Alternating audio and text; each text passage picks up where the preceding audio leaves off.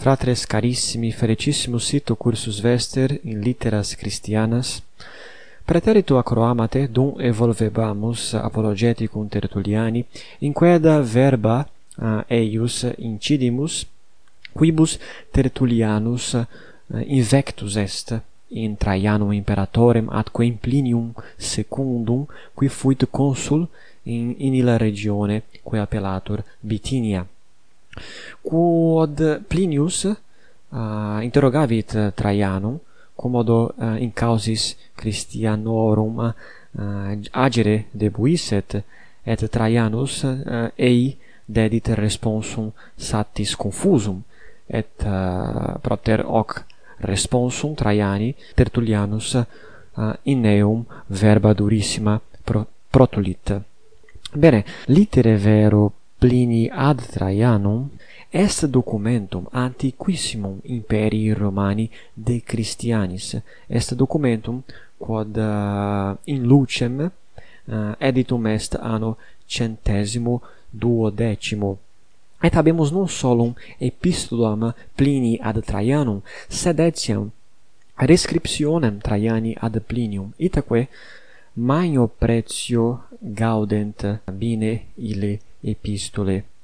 Itaque vobis velin a compartiri praesertim quod est resque agitur de Tertulliano quem hoc tempore eh, praesertim tracto quae cum ita sint rem sine mora petamus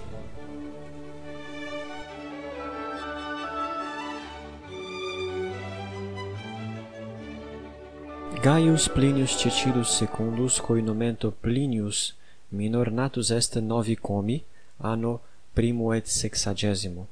Ile uh, eh, primum fuit tribunus, deinde questor, pretor, et tandem consul factus est. Et uh, cum eh, uh, accepisset consularem potestatem, Plinius uh, missus est in regionem Bitiniae et uic regioni prepositus est. Quod tempore cum a munere suo fungeretur multas Christianorum causas agere debuit. Itaque uh, nescens commodo agere deberet in illis uh, causis excutiendis literas misit ad Tiberium imperatorem ut sciret commodo procedere procedere uh, deberet. Itaque a uh, Plinius scripsit uh, as literas ad Traianum et ipse conservavit as literas et se vultis eh, a legere epistulas quas scripsit uh, Plinius potestis invenire in illa pagina retialique appellatur latinlibrary.com illic uh, in libro decimo epistolarum venietis epistulam nonagesimam sextam, quae est epistula quam nunc tractamus. Bene, uh, epistula nomaia est, est parva, fortasse constat una pagela si mensuramus eam secundum rationes odiernas, si imponimus exempli gratia nostro computatorio, uh, eh, credo uh, unam uh, una pagella tantum constare. Nunc autem uh, opere pretium esse puto vobis prebere uh, argumentum uius operis paucis verbis. Plinius ergo eh, ubi primum factus est uh, consul multos Christianos accepit, multos Christianos iudicandos uh, excepit. Qui quidem Christiani non post investigationem aliquam ab, ab ipsu Plinio patratam sunt uh, inventi, sed eh, Christiani erant denunciati, dest ili deferebantur acquibusdam hominibus, et Plinio tradebantur.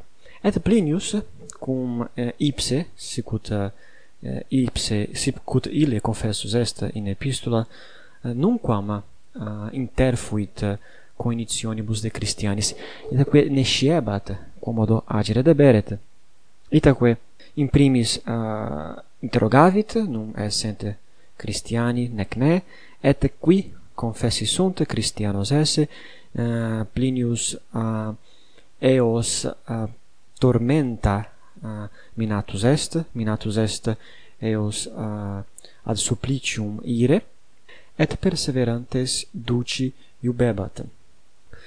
Mox tamen aucto Christianorum numero id est diffundentibus Christianis uh, indies uh, praesertim uh, habemus uh, hoc tempore libellum quendam qui propositus est ad Plinium quo multa nomina multorum Christianorum erant Propo, eh, libellus ille erat sine auctore tantum propositus est neque tamen constabat auctore. Et quid Plinius uh, tum eo tempore facere constituit ipso eh, uh, Pliniu preunte.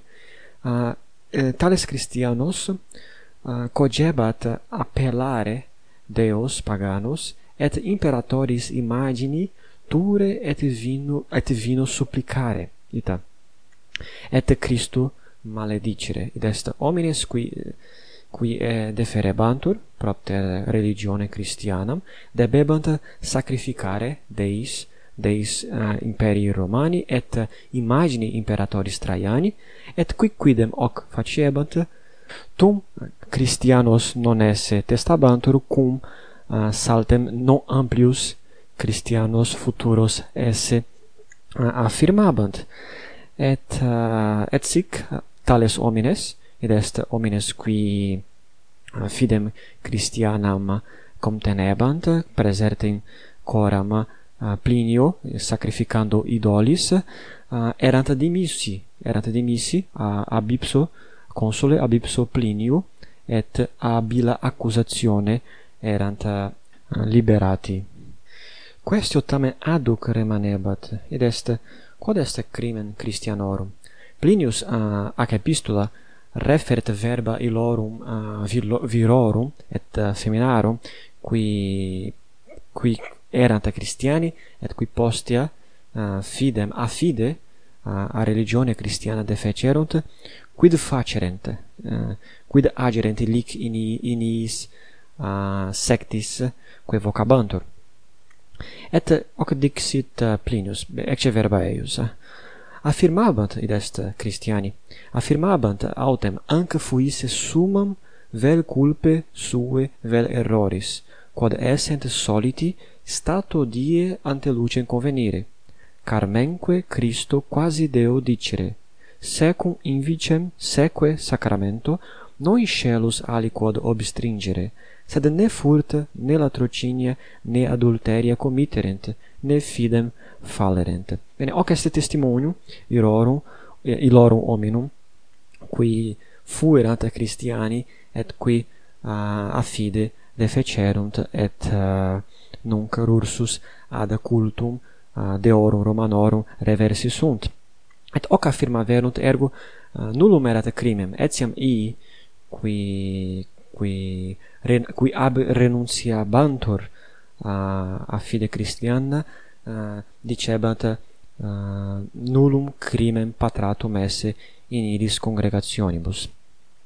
Sed uh, Plinius non non credidit Eh, uh, talis hominibus id est non fuit satis ei uh, tantum hoc testimonio audire itaque quae ad uabus ancillis quae erant christiane uh, per tormenta. Des quae sivit a uh, ex duabus ancillis per tormenta.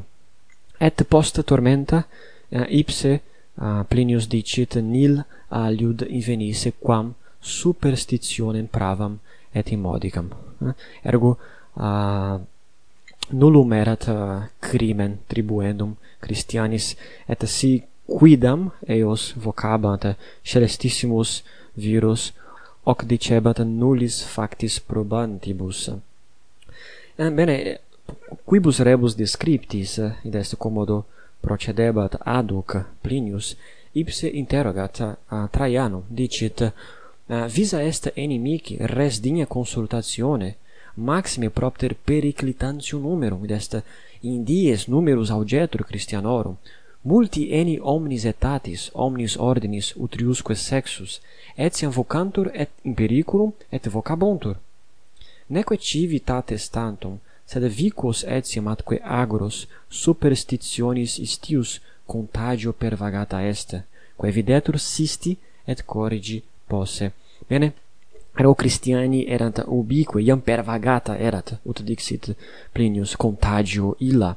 Et Christiani erant omnis etatis omnis ordinis utriusque sexus itaque uh, timebat timebat Plinius Plinius et nescebat commodo agere uh, opus esset.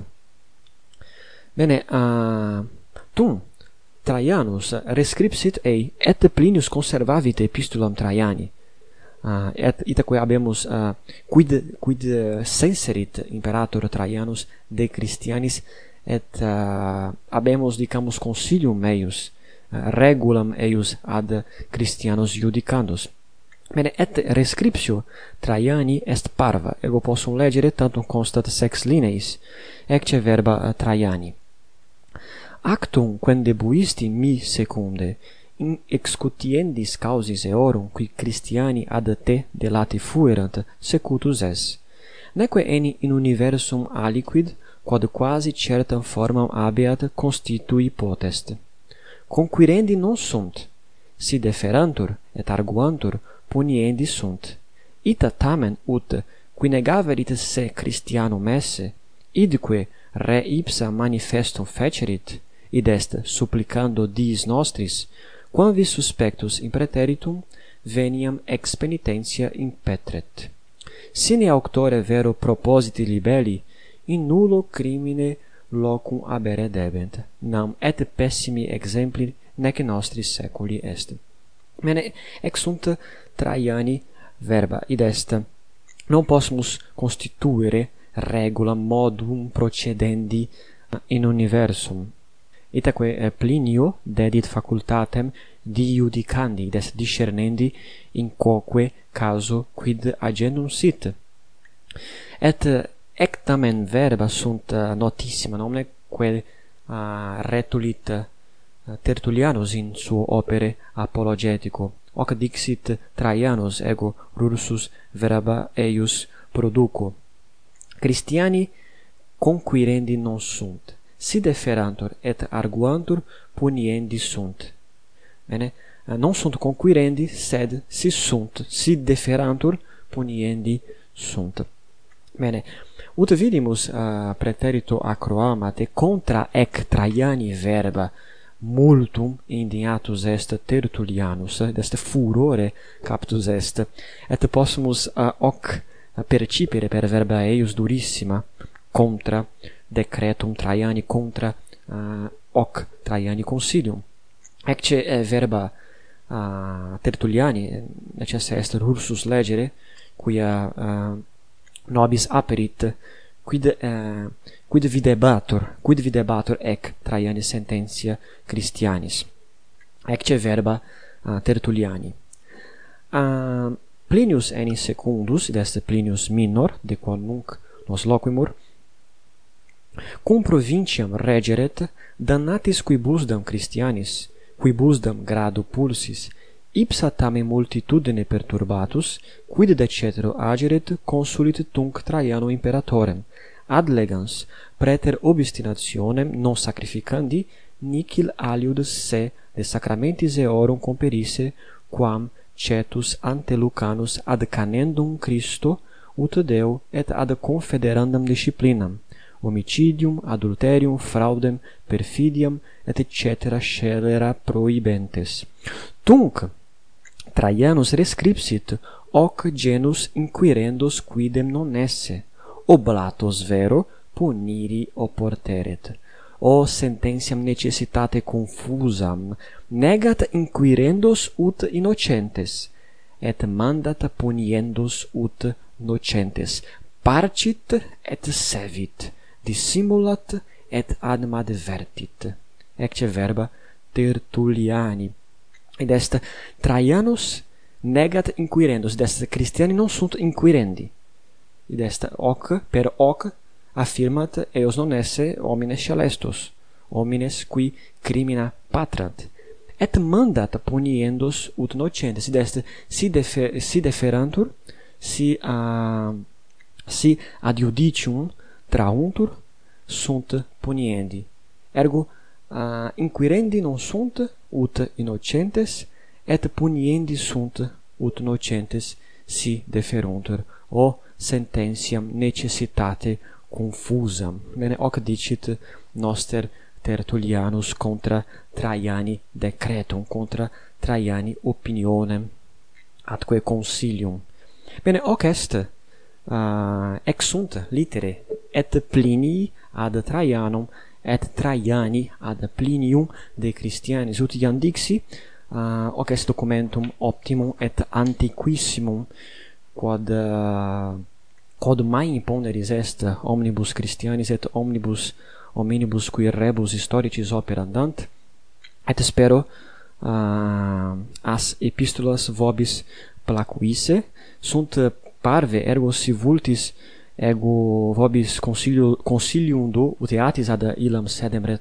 retialem um, appellatam Latin Library et illic invenietis uh, epistulam Plini ad Traianum id est in libro decimo epistula nonagesima sexta et infra anc epistulam uh, abetis uh, rescriptionem Traiani ad Plinium Bene, gratias vobis quod uh, aduc me auditis et spero brevi rursus vobiscum convenire. Bene?